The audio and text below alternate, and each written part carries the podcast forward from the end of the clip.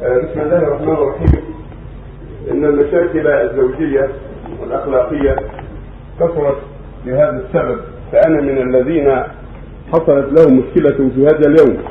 فزوجتي تطالبني بإحضار خادمة بين أبناء المراهقين أو أن تذهب إلى أهلها آه، فماذا ترشدونني إليه؟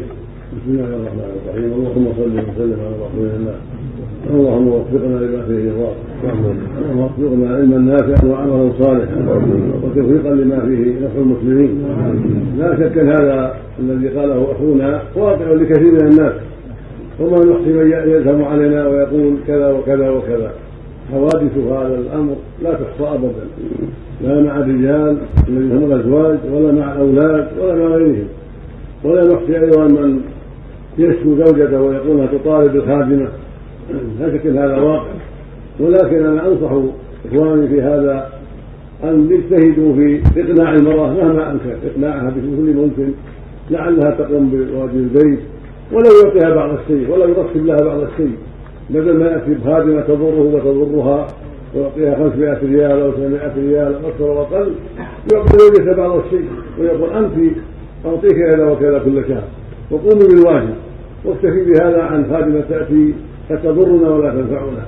ويحاول معها بالكلام الطيب والتوجيه الحسن أنها تقوم بواجب البيت وأنها تصبر على أعمال البيت ولو ساعدها هو ما في مانع يعطيها راتبا شهريا بدل ما يعطي الخادمه يعطيها هي نصف ما يعطي الخادمه أو ربع ما يعطي الخادمة وربما تقنع بهذا الشيء.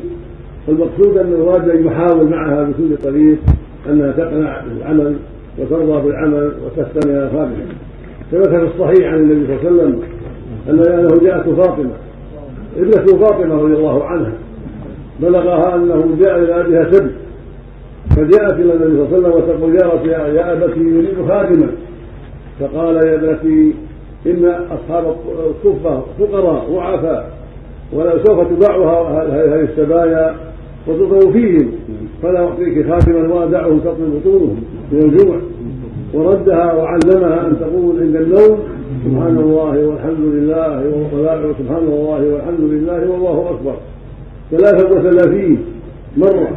سبحان الله ثلاثة وثلاثين والحمد لله ثلاثة وثلاثين والله أكبر أربعة وثلاثمائة وفي لفظ أنه علمها أيضا أن تقول اللهم رب السماوات السبع ورب الأراضين ورب كل شيء ربنا ورب كل شيء. خالق الحب والنوى منزل التوراة والإنجيل والقرآن أو من شر كل شيء. أنت آخر من أنت الأول فليس قبلك شيء وأنت الآخر فليس بعدك شيء وأنت الظاهر فليس فوقك شيء وأنت الباطن فليس دونك شيء. ابن عن الدين ومن قال رضي الله عنه فعملت ما أوصاني من الذكر ثم وجدت سعدا بعد ذلك. قالت عملت وهذا لا في الصحيح. صحيح البخاري صحيح مسلم. قال فعملت بما أوصاني به ثم وجدت سعدا بعد ذلك. ثم بعد مدة جاءه سبب آخر. فجاءت إليه واعطاها خادما عليه الصلاة والسلام بعد ما يسر الله الأمور وتوسعت أمور الخير. فالمقصود أن آه، الخادمة قد تضر وقد يستغني عنها الرجل والمرأة قد يستغنيان عنها بطرق طيبة. فالرسول صلى الله عليه وسلم أرشد ابنته فاطمه إلى الذكر عند النوم وقال إنه قال إنه خير لك من الخادم. فاستعملت هذا الذكر عند النوم وغناها الله بها عن الخادمة مدة طويلة.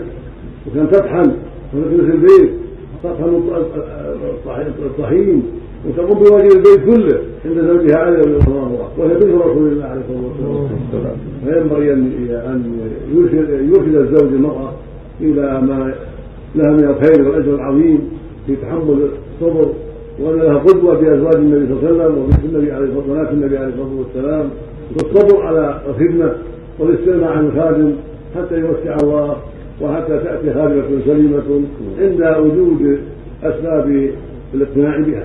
فالحاصل أنه يوجهها إلى الخير ويرشدها ويساعدها أيضا بما يرى من المال حتى تقنع بذلك وعند الضرورة ينظر في الأمر بعد ذلك.